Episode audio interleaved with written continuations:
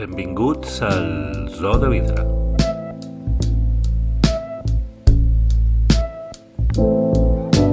Je n'ai pas attendu les jours de canicule pour sentir nos corps qui brûlent,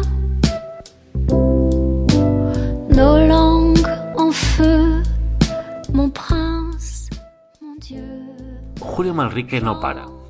Ara el tenim fent d'actor a la Villa Roel en Cost de Vida, en una de les rares vegades en què el podem veure en un escenari. I alhora té el Romea l'adversari, novel·la de no ficció de Manuel Carrer que ha dirigit i adaptat. Manrique és un director que busca coses, profunditat i lleugeresa, que diu ell. I és un actor superb a qui li encanta explicar històries. Escoltem-lo. J'ai faim et soif de bien des choses.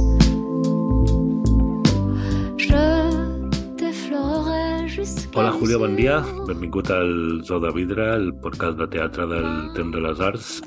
Jo, eh, el primer que pregunto és com estàs, com, com et va la vida. Eh, costa de veure't en, en escena últimament, eh, un cop a l'any almenys. com és això? doncs la vida va raonablement bé.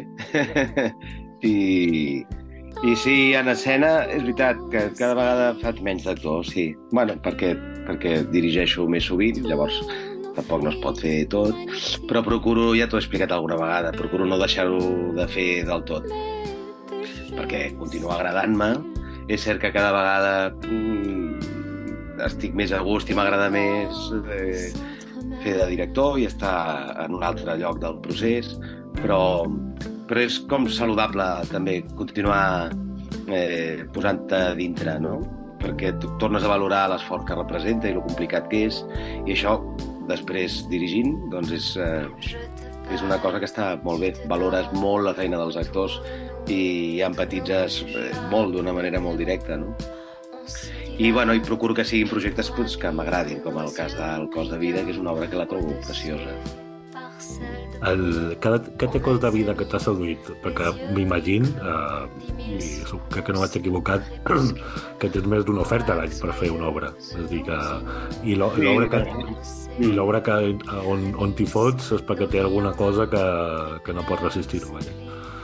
Sí, eh, que, el que m'agradi la història, el que explica, potser també el personatge que, que, que hi hagi de fer a dintre, però sobretot que m'agradi la història. Cos de vida és molt... Tu la coneixes, no, Andreu? Sí, Suposo. sí, I... sí, sí. Jo la, la trobo que és una obra amb duende, així, eh, com diria Lorca. Trobo que és una obra... apela a la màgia, clarament, al text, al... i concretament al personatge que faig jo. Té una primera intervenció en què, en què afirma que els senyals són reals, i és un tio que no té res i només té fe, no? I és una obra profundament humana, quatre personatges que existeixen, una obra d'aquelles que en diem que, que tenen ànima, no? Sense saber exactament què volem dir quan diem això, o, o, o sabent-ho però no sabent-ho explicar, no? Aquesta la té, té, té, té màgia, sí. És una obra senzilla, parla dels cuidados, de deixar-se cuidar, de confiar en l'altre, confiar que l'altre no et vol robar la cartera, sinó que vol fer alguna cosa bona per tu, no? encara que sigui petita.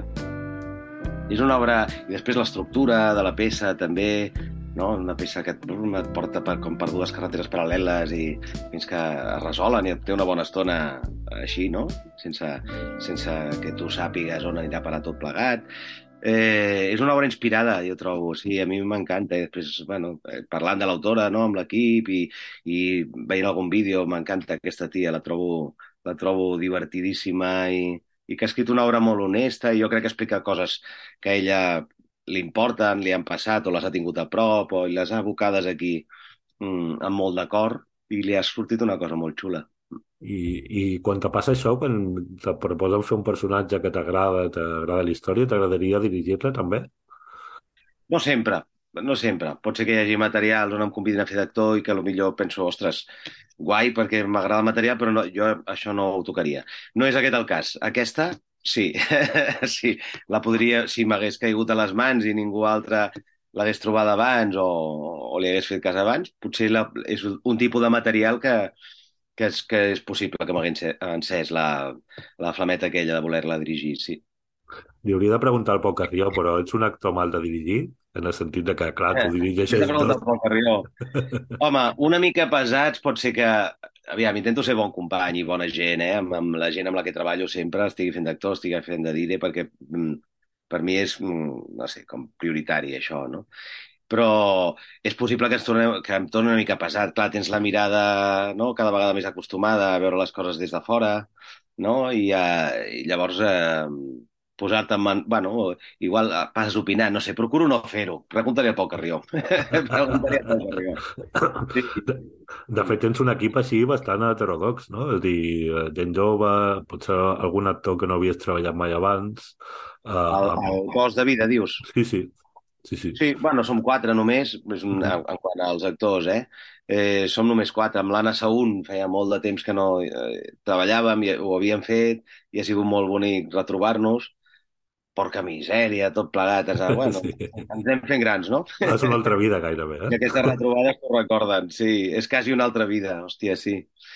I, i després, eh, doncs amb el Pau ens coneixem, no havíem treballat mai junts, eh, i, la, i la Catrín és la descoberta, eh, la Catrín Mancova, sí, que no la coneixia, és una xavala fantàstica, amb moltíssima llum i molt bona gent. Eh el, com a director no pares, en el sentit, de dir, gairebé encavalcaràs, es diu, aquesta obra com a actor i tens l'adversari el, el Romea.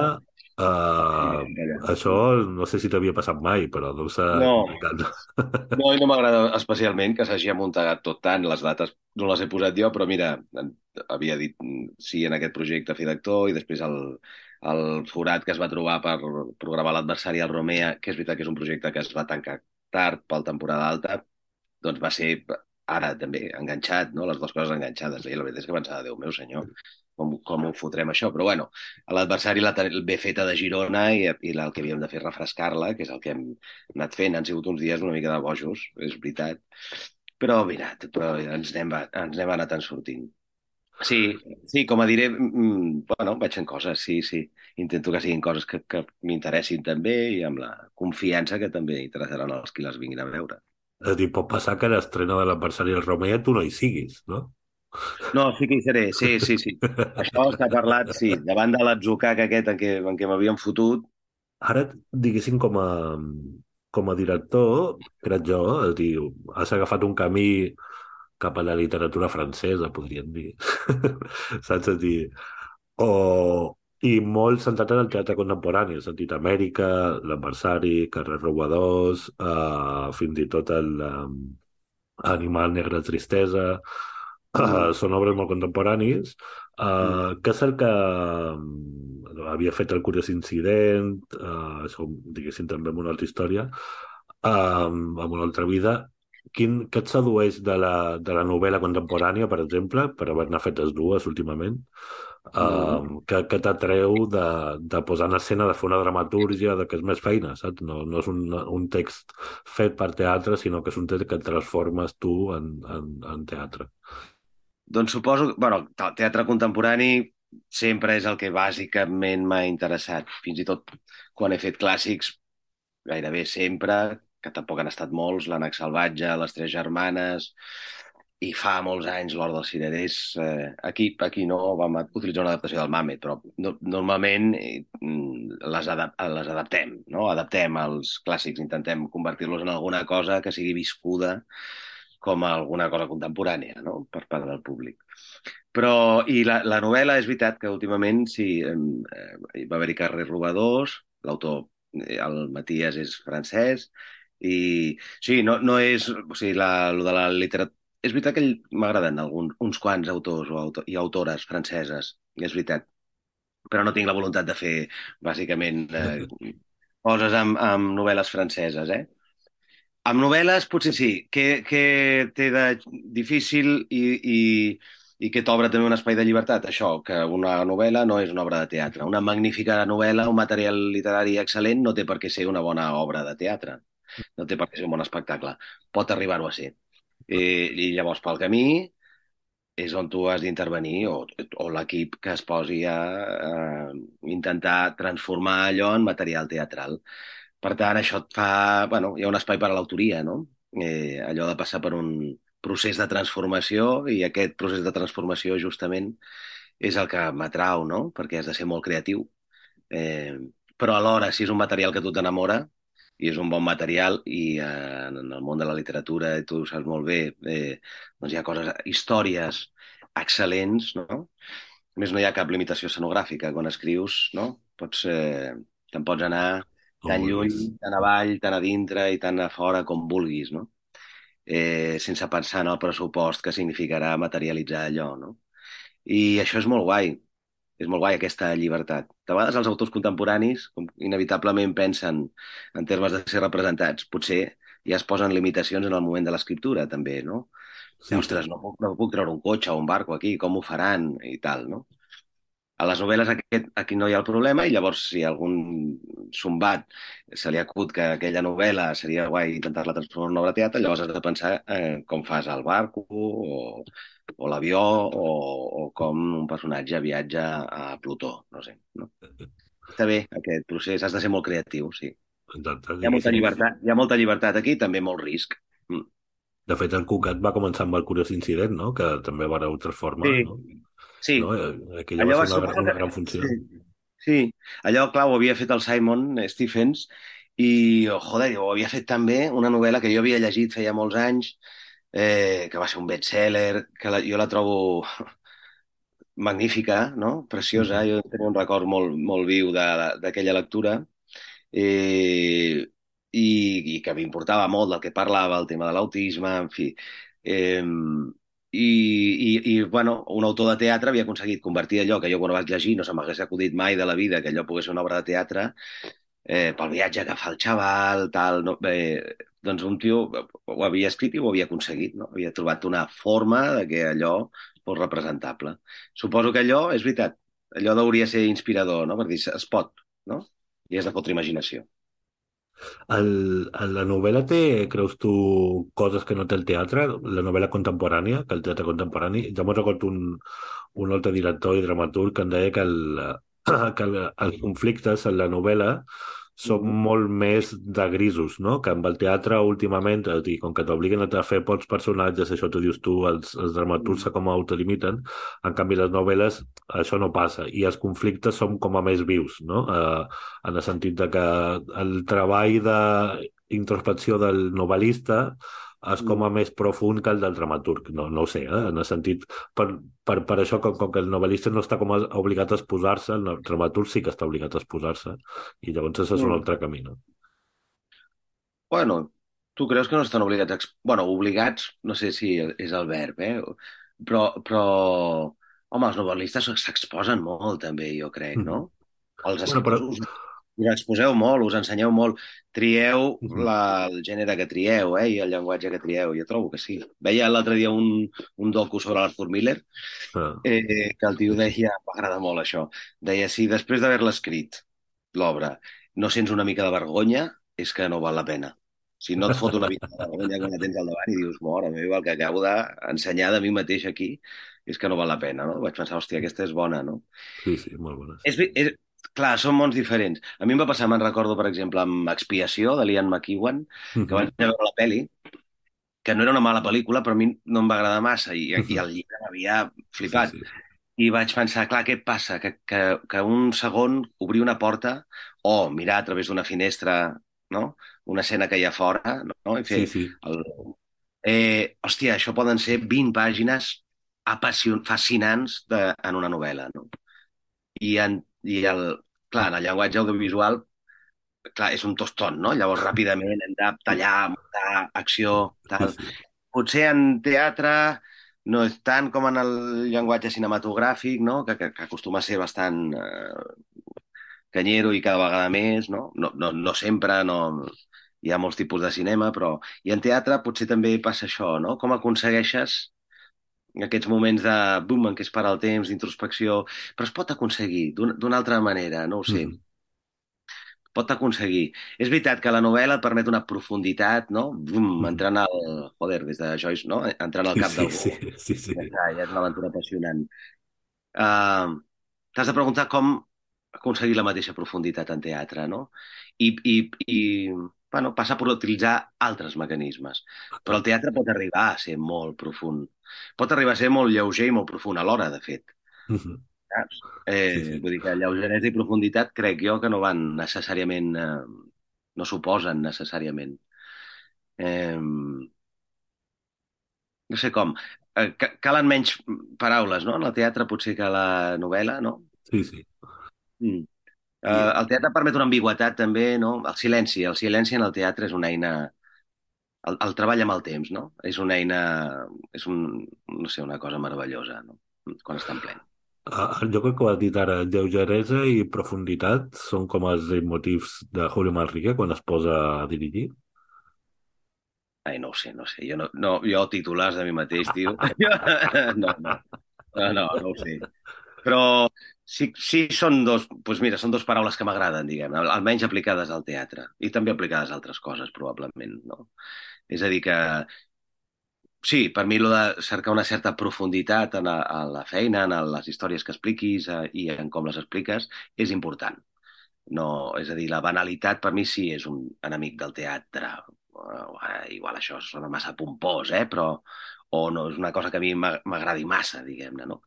Però la profunditat no, no té per què eh, comportar posar-se transcendent i estupendo o allisonador o, saps? O que és una altra cosa que tampoc m'agrada.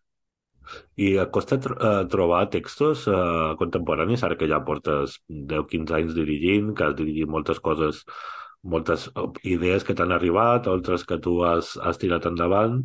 Uh, ara mateix a l'hora de buscar, sobretot perquè jo sé que t'agrada molt el teatre anglès, per exemple, i, mm. i fer obres britàniques amb 15 personatges, nens, avis, això que fan, que si n'hi ha 50 en escena. Cada nit. Sí, el, sí, el Jess Butterworth té una obra meravellosa que es diu The Ferryman. Bueno, clar, sí, sí. Són, eh...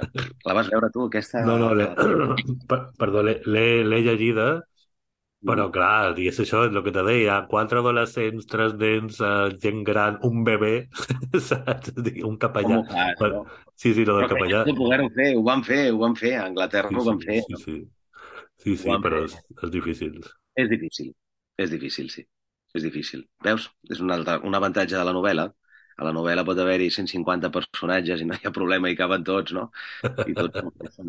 El número de personatges no és un problema, no? Mm. El sí. El... Ara una pregunta més punyetera. Uh, no hi ha lloc pel Julio Manrique últimament al teatre públic? eh, espero que sí, hòstia, espero que sí. Espero que no sigui tan radical com això. Però, bueno, estic trobant un espai per fer coses que vull fer i que m'agraden en el privat i ho agraeixo moltíssim, Sí, sí. perquè gent és de fer teatre o intentaré no deixar-ho fer perquè continua agradant-me i sento que, bueno, que, que, no sé, que, que, que tinc coses a fer i puc aportar alguna cosa. Sí, al teatre públic, bueno, doncs els directors artístics són els que s'encarreguen de fer les programacions i decidir qui, qui, què es fa, qui ho fa... Eh, bueno, eh, és normal, no?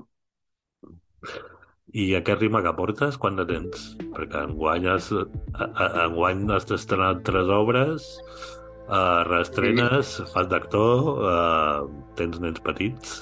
Sí. Estic... No, descansaré una mica. A l'ab- a l'abril acabem Cos de Vida el 2 d'abril, eh, just abans de la Setmana Santa, i llavors tindré un, tindré un període ja previst també de, de descans i de poder estar pels meus i, i donar-los coses. perquè portes un... A més, no només enguany, sinó que portes unes quantes temporades a Sí, amb vaja. bastant, amb bastant tute, sí, sí, sí. I la Cris també està tancant molt i tal, i bueno, sí, sí, és un... En fi, que ens hem d'explicar, no? És quan, quan tenim crios, has, has de fer un tetris i amb els horaris i tot plegat. Però ens anem en sortint, ens anem en sortint. Molt bé. Doncs pues ja està. Fins aquí els ha de vidre. Moltes gràcies, Julio. Val, I, I que vagi tot molt bé. super. Moltes gràcies, Un Andrés. petó. Un petó. Adéu.